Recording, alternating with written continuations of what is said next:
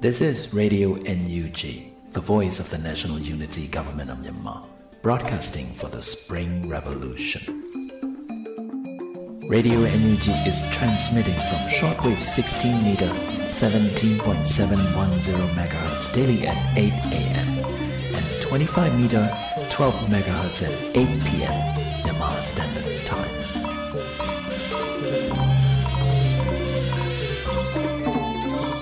ဂလာပါခင်ဗျာအမျိုးသားညီညွတ်ရေးအစိုးရရဲ့အသံလွှင့်ဌာန Radio NUG ကိုမနေ့၈နိုင်မှာ flight meter 16 meter 19.87 MHz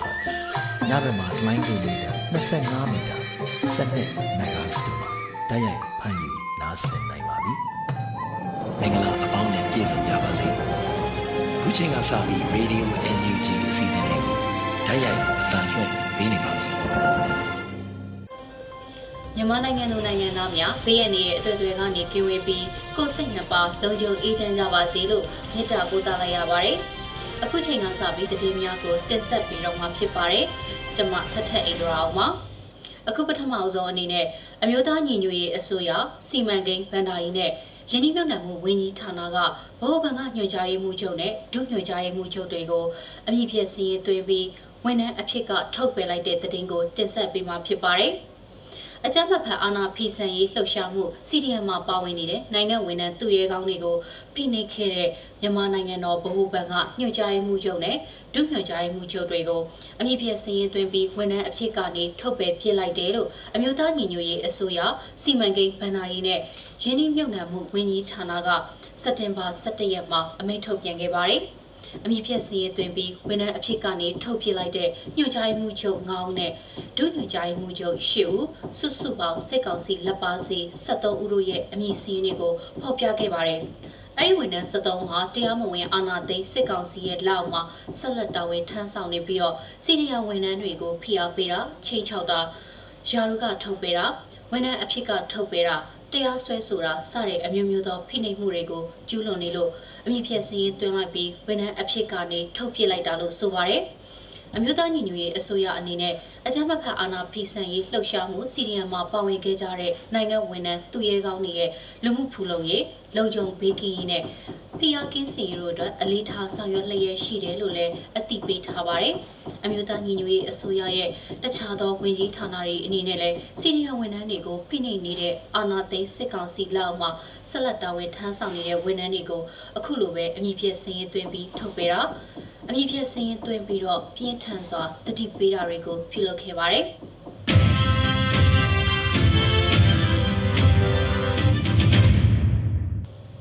ဆက်လက်ပြီးတော့ပြည်သူရင်ဝင်အဖွဲ့ကပြုလုပ်တဲ့စစ်တမ်းအရပြည်သူရင်ဝင်ခုံလုံးကို CDN ဥစွာလုပ်တဲ့တက်မတော်သားနဲ့ရဲတပ်ဖွဲ့ဝင်တွေရဲ့ညှို့ဆိုမှုကရာဂိုင်နှုန်းအများဆုံးဖြစ်တဲ့ဆိုတဲ့သတင်းကိုတင်ဆက်ပေးမှာဖြစ်ပါတယ်။ပြည်သူရင်ဝင်ခုံလုံးလာတဲ့တက်မတော်သားနဲ့ရဲတပ်ဖွဲ့ဝင်အများစုဟာသူတို့ရှေ့မှာ CDN လုတ်သွားတဲ့ညီကိုမောင်နှမတွေကညှို့ပေးလို့ဖြစ်တယ်လို့အမျိုးသားညီညွတ်ရေးအစိုးရကမနေ့ကထုတ်ပြန်ပါတယ်။ ဒီလောက်မှာပြည်သူရင်ခွင်အဖွဲ့ကိုဆက်သွယ်လာကြတဲ့တပ်မတော်သားနဲ့ရဲတပ်ဖွဲ့ဝင်400ခန့်ကိုဘယ်ကအဆက်အသွယ်ဆက်ရတယ်လဲလို့မေးကြည့်ရမှာ32ဒသမ900ခိုင်နှုန်းကရှေ့ကစီဒီယန်လောက်သွားတဲ့ညီကုမောင်နှမတွေကညှို့ပေးလို့ဖြစ်တယ်လို့ဖြေဆိုပါရယ်24ရာခိုင်နှုန်းဟာပြည်သူရင်ခွင်ရဲ့ post တွေကနေတက်ဆက်သိရှိရတာဖြစ်ပြီး22ဒသမ300ရာခိုင်နှုန်းကတော့ NUG, MOD, CRPH အစရှိတဲ့အစိုးရရဲ့တရားဝင်စာမျက်နှာတွေကနေတဆင့်သိရတာလို့ဆိုပါတယ်။ဆက်လက်ပြီး17ဒသမ8ရာခိုင်နှုန်းကသတင်းမီဒီယာတွေစီက4ဒသမ6ရာခိုင်နှုန်းကတခြားက3ဒသမ9ရာခိုင်နှုန်းက follower များသူ social influencer တွေစီကနဲ့1ရာခိုင်နှုန်းကတော့မြန်မာ police CDN channel ကတဆင့်သိရှိကြတာဖြစ်တယ်လို့ဖြေကြားကြပါတယ်။ ဒါကြောင့် CDN လောက်ထားသူတက်နဲ့ရဲကထွက်လာပြီးသူတွေအနေနဲ့လုံခြုံအောင်မှရှိနေကြရင်အထဲမှာကြံတဲ့သူတွေကိုလက်တို့နှိုးဆော်ပေးဖို့နဲ့ကြံတဲ့သူတွေလည်းမိမိတို့နီးစပ်ရာကနေပြည်သူရင်ဝင်ခုလုံခြင်းသူတွေကိုကူညီပေးတဲ့အဖွဲ့အစည်းတွေရှိနေရဆိုတာသိရှိနိုင်အောင်ပြည်သူရင်ဝင် Facebook စာမျက်နှာက post တွေကို share ပေးကြဖို့အမျိုးသားညီညွတ်ရေးအစိုးရကထုတ်ပြန်ထားပါတယ်။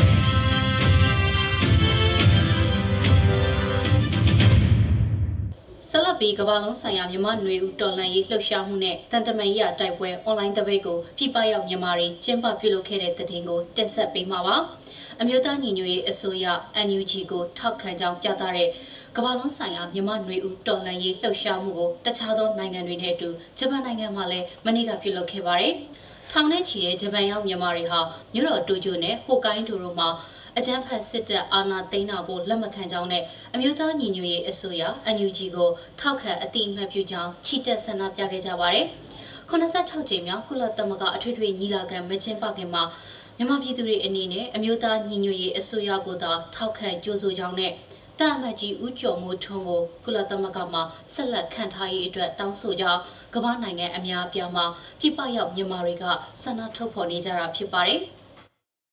ဒါအပြင်ကမ္ဘာလုံးဆိုင်ရာတန်တမန်ရေးရတိုက်ပွဲအတွက်အွန်လိုင်းသပိတ်ကိုလည်းအမေရိကန်ဖြစ်တဲ့ဩစတြေးလျကနေဒါဂျပန်တောင်ကိုရီးယားဆွီဒင်အပါအဝင်နိုင်ငံပေါင်း18နိုင်ငံကပြည်ပရောက်မြန်မာတွေကမနေ့ကပြုလုပ်ခဲ့ကြပါတယ်။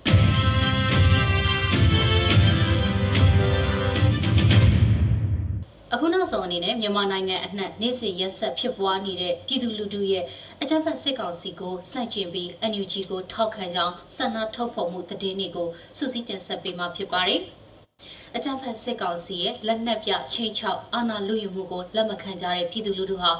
သူတို့ရဲ့သဘောဆန္ဒတွေကိုအသက်ကိုပဓာနာမထားဘဲနေ့စဉ်ရက်ဆက်ဆန္ဒဖော်ထုတ်လျက်ရှိကြပါတယ်။ဒီကနေ့စက်တင်ဘာလ12ရက်နေ့မှာဆိုရင်လည်း တက်ဆယ်မြို့နယ်ကြေးရွာတရွာမှာကုလသမဂ္ဂမှာ NUG ကိုအစိုးရအဖြစ်တရဝင်အတိအမှတ်ပြုရေးလူငယ်တွေဥဆောင်ကဆန္ဒပြခဲ့ကြောင်းသိရပါတယ်။ရန်ကုန်တိုင်းမရန်ကုန်မြို့နယ်မှာလည်း NUG ကိုအစိုးရအဖြစ်တရဝင်အတိအမှတ်ပြုရေးနဲ့ဖက်စစ်စစ်ခွေးတပ်တော်လှန်ရေးလူငယ်တွေဥဆောင်ဆန္ဒပြခဲ့ကြပါတယ်။ချင်းပြည်နယ်နဲ့မကွေးတိုင်းနယ်စပ်မှာရှိတဲ့အကြမ်းဖက်စစ်ကောင်စီတပ်တွေဝင်ရောက်ဖျက်ဆီးခဲ့တဲ့ရွှေအောင်သာကျေးရွာကစစ်ဘေးရှောင်ပြည်သူတွေဟာလည်း တာရင်းတနေရာကနေ NUG ကိုအစိုးရအဖြစ်အတိအမှတ်ပြုရေးဆန္ဒပြတောင်းဆိုခဲ့ကြပါတယ်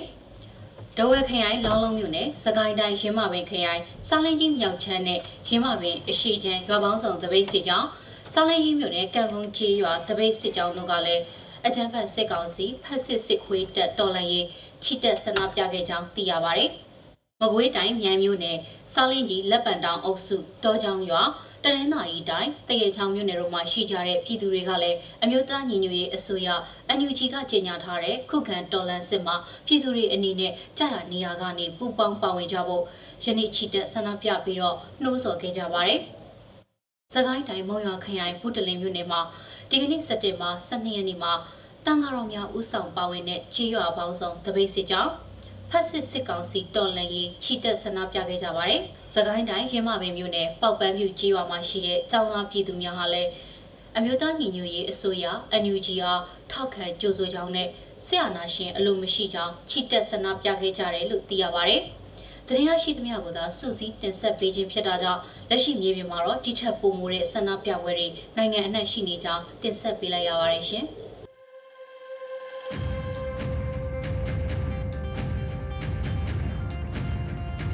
ကာကွယ်ရေးဝန်ကြီးဌာနအမျိုးသားညီညွတ်ရေးအစိုးရမှထုတ်ဝေသောနေ့စဉ်စီရေးသတင်းချုပ်ကိုတင်ဆက်သွားမှာဖြစ်ပါတယ်ရှင်။ကျမຫນွေဦးနှင်းစီပါ။ဆနေ့ရက်6လ2021ခုနှစ်မကွေးတိုင်းနဲ့စကိုင်းတိုင်းများတွင်တရားတော်ခုခံတော်လှန်စစ်ပွဲနှစ်ခုထပ်မံဖြစ်ပွားခဲ့ပါတယ်။စက်တင်ဘာလ17ရက်နေ့ညစက္ကစအခြေဆိုင်လုံလဲစကန်သိန်းတိုက်ပွဲတွင်အကြမ်းဖက်စစ်ကောင်စီတပ်သား 6ဦးထပ်မံတေဆုံးခဲ့ကြောင်း CDF ထန်တလန်မှထုတ်ပြန်ခဲ့ပါတယ်။မြမနွေဦးတော်လန်ရေးဤတရားတော်ခုခံတော်လန်စစ်သည်ပြည်သူများရဲ့ပူးပေါင်းပါဝင်မှုနဲ့အတူဆက်လက်စည်းစင်းနေမှာဖြစ်ပါတယ်။အကြံဖက်စစ်အကောင်စီလက်အောက်ခံတရင်တပ်ဖွဲ့ဝင်များပြည်သူရင်ခွင်တို့အ мян ဆုံးခိုလုံကြဖို့ကျွန်ုပ်တို့ကာကွယ်ရေးဝန်ကြီးဌာနမှတိုက်တွန်းလိုက်ရပါတယ်။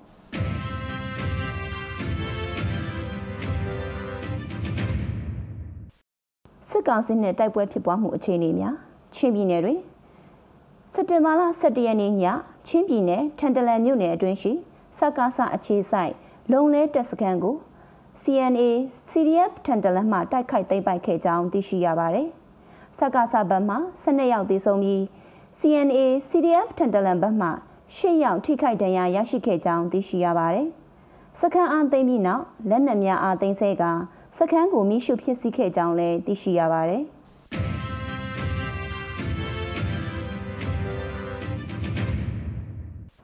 မကွေးတိုင်းတွင်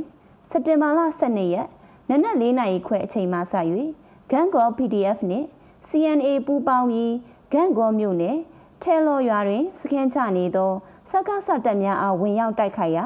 တိုက်ပွဲပြင်းထန်နေကြောင်းသိရှိရပါသည်။ညနေ6နာရီတွင်ဂန်ကော PDF မှ ဂန်ကောကလေးလမ်းပိုင်းအားဖြတ်တန်းသွားလာခြင်းမပြုရန်မိဘပြည်သူများအားအထူးသတိပေးချက်ထုတ်ပြန်ထားပါတယ်။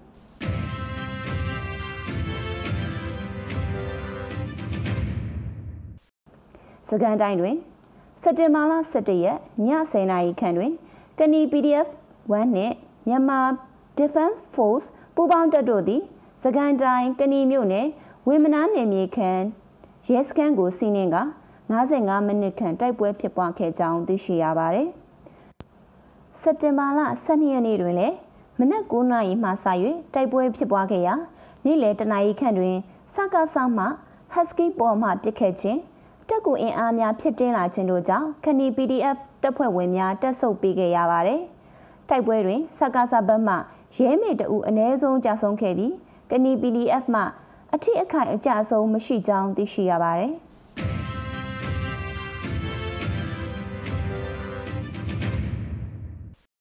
စစ်ရေးပြမှုမတရားဖန်ဆီးတပ်ဖြတ်မိရှုချင်းပြည်နယ်တွင်စက်တင်ဘာလ17ရက်ည9:45အချိန်ချင်းပြည်နယ်တိတိမ်မြို့မြို့မရဲစခန်းရှိမှာဆိုင်ကယ်ဖြင့်ဖျက်ဆီးသွားစဉ်စကားဆရဲများမှပြစ်ခတ်သဖြင့်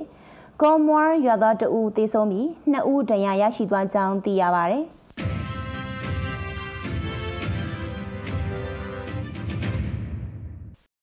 မကွေးတိုင်းတွင် စက်တင်ဘာလ12ရက်မနက်ပိုင်းတွင် မကွေးတိုင်းကံကောမြို့နယ်ထဲလော်ရွာမှတက်ဆွဲထားသောစစ်ကောင်စီအကြမ်းဖက်တပ်များသည်ရွာအတွင်းရှိလူနေအိမ်အချို့ကိုမိရှုနေကြောင်းဖုန်းကြီးပါဝင်တရားလုံးရှိပြည်သူများမှထွက်ပြေးတိမ်းရှောင်နေရကြောင်းသိရှိရပါတယ်။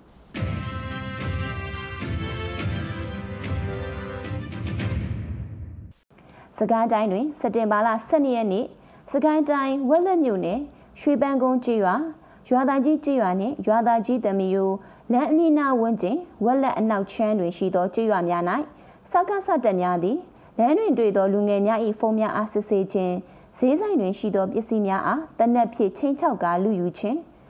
အပြစ်မဲ့ပြည်သူများအားဖမ်းဆီးကပတ်စံဖြင့်မိသားစုဝင်များအားလာရွေးခိုင်းခြင်းနေအိမ်တွင်ရှိသောပြည်သူများ၏ကားများနှင့်ဆိုင်ကယ်များအားလက်နက်အားကိုဖြင့်ချင်းချောက်ကလူယူခြင်းများ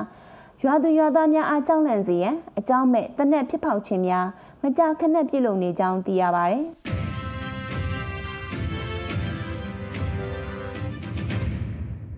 မန္တလေးတိုင်းတွင်စက်တင်ဘာလ12ရက်နနက်တနာရီနှင့်4နာရီကြာမန္တလေးတိုင်းမြောင်ဦးမြို့နယ်စကားဆက်တဲ့များမှပတ်စိတ်တိုက်ရှာဖွေမှုများပြုလုပ်ခဲ့ရာပြည်သူ9ဦးအဖမ်းခံရကြောင်းသိရှိရပါတယ်။ စက်တင်ဘာလ12ရက်မနက်9နာရီဝန်းကျင်ချိန်တွင်မိထီလာမြို့မော်တော်ယာဉ်ဖုန်ကြီးကျောင်းမှလူငယ်3ဦးအားစကားဆက်တက်မှအင်အား20နီးပါးဖြင့် PDF အမည်တက်၍အတင်းအဓမ္မဖမ်းဆီးသွားကြောင်းသိရှိရပါတယ်။မန္တလေးတိုင်းမြင်းချံမြို့စံပြစေမိပွိုင်းမှာသွာလာလှုပ်ရှားနေသူများကိုစစ်ဆေးကတတူထိုးထားသူများကိုအင်ကြီးချွတ်စစ်သည်ဟုသိရှိရပါတယ်။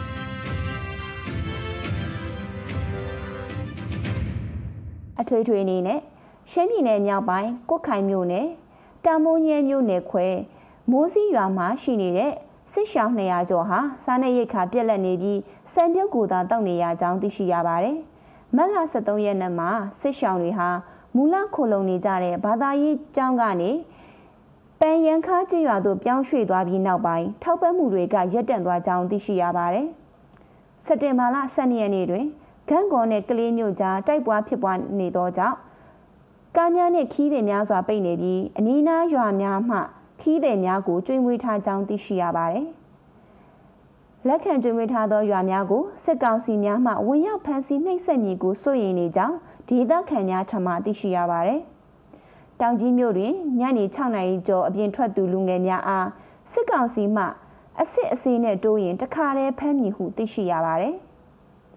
ရှမ်းပြည်နယ်မြောက်ပိုင်းကြောက်မဲမြို့နယ်တွင်စီပင်တာယာရေးဌာနကပစ္စည်းခွန်များကိုစက်တင်ဘာလ15ရက်နေ့မတိုင်မီပေးဆောင်ခြင်းမပြုပါကတရားစွဲမည်ဟုစာထုတ်ထားကြောင်းသိရှိရပါတယ်ရှင်။အထက်ပါဖော်ပြသောသတင်းအချက်အလက်များဟာမြေပြင်သတင်းတာဝန်ခံများနှင့်သတင်းဌာနများမှဖော်ပြထားသောအချက်အလက်များအပေါ်အခြေခံပြုစုထားခြင်းဖြစ်ပါတယ်ရှင်။ရေဒီယို NUG မှာဆက်လက်တမ်းလွှင့်နေပါတယ်။ အခုတခါတိခိတာကဏ္ဍအတွက်ຫນွေဦးတော်လန်ရဲ့အတွင်စတင်ထုတ်လွှင့်တဲ့ PVTV Channel ရဲ့ theme song ပဲဖြစ်ပါတယ်ရှင်။။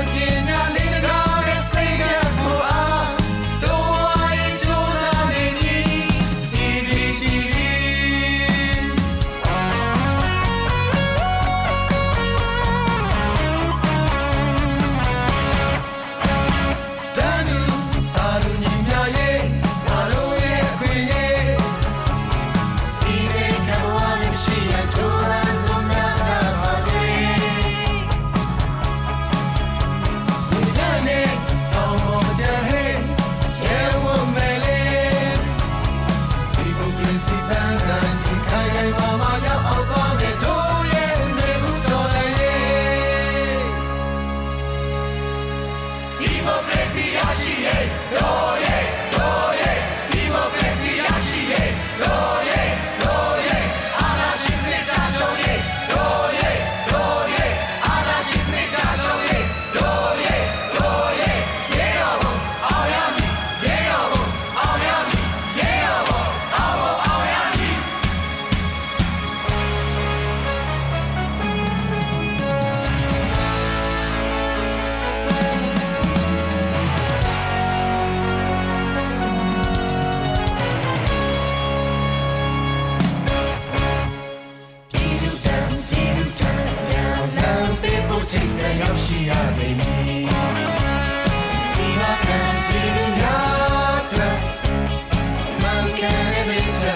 crazy.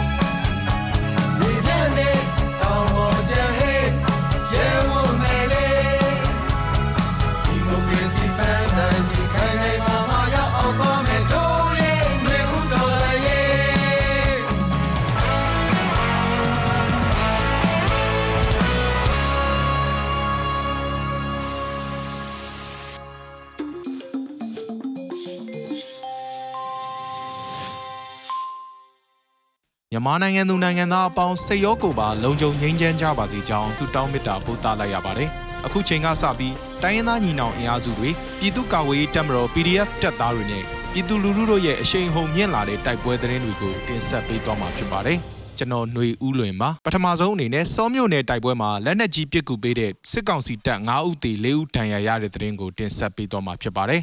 မကွေးတိုင်းဒေသကြီးစောမြို့နယ်တဲကကံချောင်းမှာစက်တဘာ17ရက်နေ့ကဖြစ်ပွားတဲ့တိုက်ပွဲမှာစစ်ကောင်စီဘက်ကလက်နက်ကြီးပစ်ကူပေးသူ9ဦးကြာဆုံးပြီး4ဦးဒဏ်ရာရရှိခဲ့တယ်လို့သိရပါတယ်။တိုက်ပွဲမှာစစ်ကောင်စီတပ်တွေကို CDF ရောစော PDF ပူးပေါင်းအဖွဲ့တို့ကဝင်ရောက်တိုက်ခိုက်ခဲ့တာပါ။မကွေးတိုင်းဒေသကြီးစောမြို့နယ်ထဲမှာရှိတဲ့စစ်ကောင်စီတပ်များနဲ့ CDF မင်းတပ် CDF ကံပက်လက် PDF ရောနဲ့ PDF စောပူးပေါင်းထားတဲ့အဖွဲ့များဟာနေ့စဉ်တိုက်ပွဲထိတွေ့မှုများလည်းရှိနေပြီးစကားဆတ်တပ်မှစစ်ကားကိုစီးအထိုင်ချထားတာကြောင့် တိုက်ပွဲဆက်လက်ပြင်းထန်လာနိုင်တယ်လို့ဒေတာကာကွယ်ရေးအဖွဲ့တွေကဆိုပါတယ်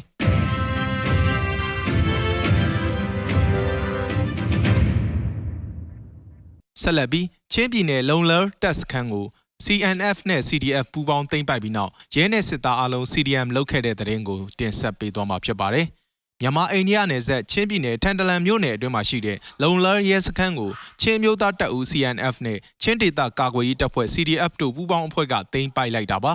အဲ့ဒီလုံလဲတပ်စခန်းဟာရဲနဲ့စစ်တပ်ပူးပေါင်းတပ်ဆွဲထားတဲ့တပ်စခန်းဖြစ်ပြီးစခန်းမှာရှိတဲ့တပ်နဲ့ရဲတွေကအာနာဖီဆန်ရေးလှုပ်ရှားမှု CDM မှာပူးပေါင်းပါဝင်လိုက်တာဖြစ်ပါတယ်အဲ့ဒီလုံလဲကျေးရွာကိုစက်တဘာ10ရက်နေ့နေ့လယ်ပိုင်းကအကြမ်းဖက်စစ်ကောင်စီကတိုက်လေရင်နဲ့ပြစ်ခတ်တိုက်ခိုက်လို့ဒေသခံပြည်သူတွေဘေးလွတ်ရာကိုထွက်ပြေးတိမ်းရှောင်ခဲ့ရပါသေးတယ်။ ချင်းပြည်နယ်မကွီအိမ်နူးတပ်စခန်းကို CDF မင်းတပ်ကဇူလိုင်24ရက်နေ့ကသိမ်းပိုက်ခဲ့တုန်းကလည်းစခန်းမှာရှိတဲ့စစ်ကောင်စီအဖွဲ့ဟာအလွယ်တကူလက်နက်ချ CDM ဝင်ခဲ့ကြပါသေးတယ်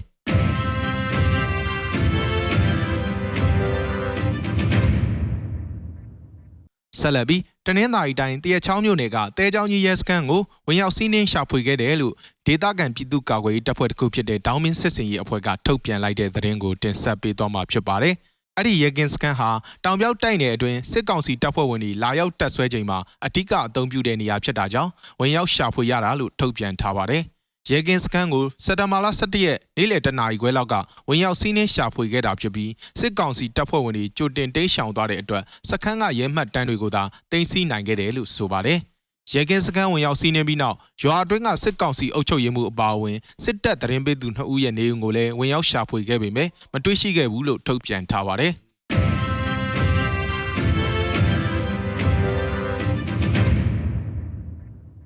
နောက်ဆုံးသတင်းတစ်ပုဒ်အနေနဲ့ကနီ PDF ပူးပေါင်းအဖွဲ့ကဝေမနာရဲစခန်းကိုဝင်ရောက်တိုက်ခိုက်ခဲ့တဲ့သတင်းကိုတင်ဆက်ပေးသွားမှာဖြစ်ပါတယ်။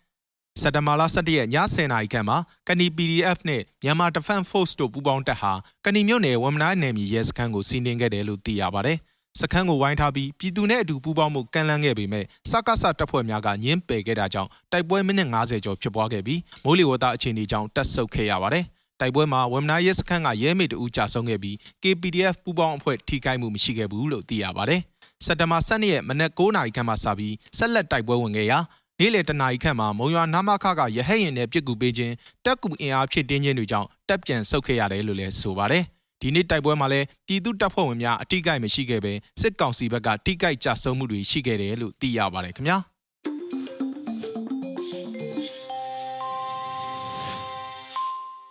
Radio NUG မှာဆက်လက်တမ်းလွှင့်နေပါတယ်။အခုဆက်လက်ပြီးပြည်သူလူထုကျန်းမာရေးကဏ္ဍအတွက်ကိုဗစ်လူနာအတွက်နေ့စဉ်နေထိုင်မှုပုံသဏ္ဍာန်ကိုဒေါက်တာကျော်ကျော်ကပြောပြပေးသွားမှာဖြစ်ပါတယ်ရှင်။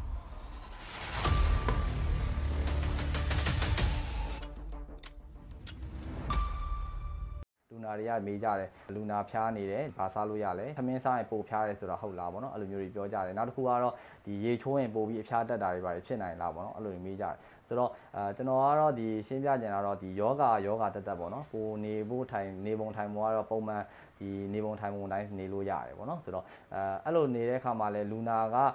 ပြင်းထန်တဲ့လက္ခဏာရှိတဲ့လူတွေပေါ့နော်အရန်မောနေတာတို့ပြီးနောက်တစ်ခုကအသက်အရွယ်ဒီကြီးတဲ့လူကိုကားမကောင်းတဲ့လူကတော့ဒီနှစ်ပတ်လောက်ကိုတော့ကျွန်တော်တို့ကနာနာနေနေပဲနေစီနေတယ်ကိုလက်လုံရှာမှုတွေပါကျွန်တော်ကမလုပ်ချင်မလုပ်စေချင်ဘူးပေါ့နော်ဆိုတော့အကယ်၍ရေချိုးမဲ့ရေလုံးကရေချိုးကန်းတွေပါသွားမဲ့စားဒီလူကြီးတွေကကျတော့ဒီအသက်အရွယ်ကြီးတဲ့လူတွေဆိုရင်တော့ရေဘက်တိုက်ပေးတာတွေပေါ့ကျွန်တော်လုပ်ပေးလို့ရတယ်ရေချိုးလို့အဖျားတက်တာတွေပါတော့မဖြစ်နိုင်ဘူးပေါ့နော်နောက်တစ်ခုကကျတော့ဒီစားတာတောက်တာပေါ့နော်စားတာတောက်တာဆိုတဲ့နေရာမှာဒီအားရှိတဲ့အစားအစာအကုန်စားပေးလို့ရတယ်ထ မင်းလဲစားလို့ရတယ်ဒီကျွန်တော်တို့စီးကြိုတွေဘာတွေမရှိဘူးပေါ့နော်ဒီလူကြီးစီးကြိုမရှိတဲ့လူတွေမှာဆိုရင်တော့ အစာအစာအစာအကုန်စားလို့ရတယ်အသီးရွက်များများစားပေးရမယ်နောက်တစ်ခုကအသားငါးလည်းအကုန်စားလို့ရတယ်ကြက်ဥကပဲအားရှိတာလို့ကြက်သားပဲရှိရဆိုပြီးတော့အဲ့တမျိုးလေးပဲစားနေလို့လည်းအဆင်မပြေဘူးပေါ့နော်အစာအစာအကုန်တင်းနေမြတ်တာဆိုတာအကုန်စားပေးရမယ်ဘာလို့ဆိုတော့ကိုယ်ကံအားကောင်းမှပဲဒီယောဂါကိုကျွန်တော်တို့ကပြန်ပြီးတော့တိုက်နိုင်မှာဖြစ်တယ်လို့ကြောင့်ပေါ့နော်ဆိုတော့ဟိုလူငယ်တွေမှာကြတော့ကျွန်တော်တို့ဒီတာမန်လက္ခဏာပဲရှိတဲ့လူတွေဆိုရင်တော့ကျွန်တော်တို့ကလေ့ကျင့်ခန်း အာမပြင်းမထန်မပြင်းထန်တဲ့လေ့ကျင့်ခန်းပေါ့နော်ဆိုတော့ပြင်းပြင်းထန်ထန်မလုပ်ဘဲနဲ့ဟိုမှာလမ်းလျှောက်တာတို့နောက်တစ်ခုကဒီကျွန်တော်တို့ဒီဟိုဟာကိုလက်လှုပ်ရှားတစ်ခုခုခစားတာပေါ့နော်အဲ့လိုမျိုးလုပ်ပေးလို့ရတယ်အဲဆိုတော့ဒီပြင်းထန်လက္ခဏာရှိတယ်ဆိုရင်တော့ကျွန်တော်နာနာနေနေပဲနေစီခြင်းတယ်ပေါ့နော်ဒီကာလမှာကျန်တဲ့အစားအသောက်ကတော့အကုန်စားပေးလို့ရပါတယ်ဟုတ်ကဲ့အားရှိတာစားပေါ့နော်နောက်တစ်ခုကအေးရေးဝအိတ်ဖို့လိုပါမယ်ဟုတ်ကဲ့ ရေဒီယို NUG မှာဆက်လက်တမ်းလွှင့်နေပါတယ်။အခုဆက်လက်ပြီးမြာနင်းရီလွင်မှာပฏิပခအတွင်းကြိုတင်ပြင်ဆင်ခြင်းသုံးကိုတင်ဆက်ပေးမှာဖြစ်ပါတယ်ရှင်။ပြည်သူလူထုအားလုံးပဲမင်္ဂလာပါ။ပရိပက္ခများထဲမှာပြည်သူတွေအားလုံးဘေးကင်းလုံခြုံဖို့ကြိုတင်ပြင်ဆင်မှုအတွက်အကြံပြုတင်ပြမှုအချိန်ကြာရလို့လာပြန်ပါပြီ။ကျွန်မပြောပြမယ့်အချက်တွေကိုလည်းလိုက်ပါလှုပ်ဆောင်နေမှလို့ယုံကြည်ပါတယ်။ ဒီအစီအစဉ်မှာတော့လက်နက်ငယ်တွေပြစ်ခတ်နေတဲ့အနေအထားတွေမှာဘလို့ဘေးကင်းအောင်နေထိုင်သင့်တယ်ဆိုတဲ့အကြောင်းအရာကိုဆွေးနွေးတင်ပြပေးသွားမှာဖြစ်ပါတယ်။ဒီကိုပတ်ဝန်းကျင်မှာတနက်တန်တွေကြားပြီဆိုတာနဲ့ကြည်ကွယ်မဲ့နေရာကိုရှာဖွေပုံအောင်နေရမှာဖြစ်ပါတယ်။ကြည်ကွယ်ဆိုတာတနက်ကြည်မတိုးပေါက်တိုင်နဲ့ကွန်ကရစ်ထူထူအုံနံရံထူထူတွေပဲဖြစ်ပါတယ်။မိမိအိမ်ကကွန်ကရစ်အိမ်ဖြစ်မယ်ဆိုလို့ရှိရင်အိမ်ရဲ့အတွင်းပိုင်းအကျဆုံးနဲ့အလုံးကျုံဆုံးအခန်းတစ်ခုကို သတ်မှတ်ထားပြီးအရေးပေါ်အနေအထားမှာပုံခုမှုဖြစ်ပါတယ်။ဘီလက်မီအိတ်တင်ကာယံအသုံးပြုထားတဲ့ပါတယ်။ကြီးမကနိုင်တဲ့ရှောင်ရှားရမယ့်နေရာတွေကတော့မှန်ကထားတဲ့အခန်းတွေအိမ်အပြင်နဲ့ထိစပ်နေတဲ့ရှေ့နောက်ဘေးအစွန်အခန်းတွေပဲဖြစ်ပါတယ်။ပြစ်ခတ်တန်တွေအဆက်မပြတ်ကြားရပြီဆိုရင်တော့ခိုင်ခန့်တဲ့ကတင်ဒီစပွဲအောက်တွေမှာပြစ်ခတ်တန်တွေရက်တန့်သွားတဲ့အချိန်အထိအကအကွယ်ယူပြီးငြိမ်သက်စွာပုံအောင်နေရမှာဖြစ်ပါတယ်။ ပုံအောင်တဲ့နေရာကနေမဖြစ်မနေရွှေ့ပြောင်းရတော့မယ်ဆိုရင်လည်းမတ်တက်ရက်ပြီးသွားလာခြင်းဟာကြီးစံထိမှန်နိုင်တဲ့အန္တရာယ်ရှိနိုင်တာမလို့မတ်တက်ရက်သွားလာခြင်းကိုအထူးရှောင်ရှားရမှာဖြစ်ပါတယ်။အဲ့ဒါဆိုလို့ရှိရင်ဘယ်လိုရွှေ့ပြောင်းရမလဲ။ခန္ဓာကိုယ်တွားသွားသွားလာခြင်းကကြည်ထိမှန်နိုင်တဲ့အန္တရာယ်ကိုရှောင်ရှားနိုင်မှာဖြစ်ပါတယ်။ဒါပေမဲ့အဲ့လိုရွှေ့ပြောင်းသွားလာတဲ့အချိန်မှာခန္ဓာကိုယ်နဲ့ခေါင်းပုံပြုတ်ကျနိုင်တဲ့အရာတွေရှိလို့သတိပြုပြီးတော့ရွှေ့ပြောင်းသင့်ပါတယ်။ ပြစ်ခတ်တန်ကြားတဲ့အချိန်မှာအိမ်အပြင်ကိုထွက်ကြည့်တာမျိုးတွေပတ်ဝန်းကျင်ကိုစူးစမ်းတာမျိုးတွေလုံးဝမလုပ်သင့်ပါဘူး။ပြစ်ခတ်တန်တွေကြားကြားချင်းလုံခြုံတဲ့နေရာမှာပုံအောင်နေထိုင်ရမှာဖြစ်ပါတယ်။တကယ်လို့မိမိနေအိမ်ကလုံခြုံမှုမရှိဘူးဆိုရင်တော့အနည်းဆုံးမှရှိတဲ့ခိုင်ခန့်တဲ့အဆောက်အဦကိုတတိဝရိယရှိရှိနဲ့အမြန်ဆုံးရွှေ့ပြောင်းကြအောင်ဖြစ်ပါတယ်။မိမိနေအိမ်ကအများသူငါသွားလာတဲ့လမ်းမကျောမှာရှိနေတဲ့အိမ်ဆိုလို့ရှိရင်တော့အန်ရီယနဲ့ပို့ပြီးတော့နီးနိုင်တာမလို့လုံခြုံရေးကိုပို့ပြီးအထူးပြုဆိုင်ရမှာဖြစ်ပါတယ်အခုကျမ ဆွေးနွေးသွားတဲ့အချက်လက်တွေကတော့အမျိုးသားညီညွတ်ရေးအစိုးရလူသားချင်းစာနာထောက်ထားရေးနဲ့ဘေးအန္တရာယ်ဆိုင်ရာစီမံခန့်ခွဲရေးဝန်ကြီးဌာနကထုတ်ပြန်ထားတဲ့ပရိပက္ခများအတွင်ပြည်သူများဘေးအန္တရာယ်အတွက်ကြိုတင်ပြင်ဆင်နိုင်ရန်အချက်တွေပဲဖြစ်ပါတယ်။ပြည်သူတွေအားလုံးကြမ်းကြမ်းမာမာနဲ့ဘေးအန္တရာယ်ကင်းဝေးနိုင်ပါစေ။အရေးတော်ပုံတကယ်အောင်ပါမှာပါ။ရေတော်ပုံအောင်ရမည်ရေတော်ပုံအောင်ရမည် ဒီနေ့တော့ဒီညနဲ့ပဲ Radio NUG အစီအစဉ်လေးကိုကိတ္တရန်နာလိုက်ပါမယ်မြန်မာစံတော်ချိန်မနေ့၈နာရီညနေ၈နာရီတို့မှာပြန်လည်တွေ့ဆုံကြပါစို့ Radio NUG ကိုမနေ့၈နာရီမှာ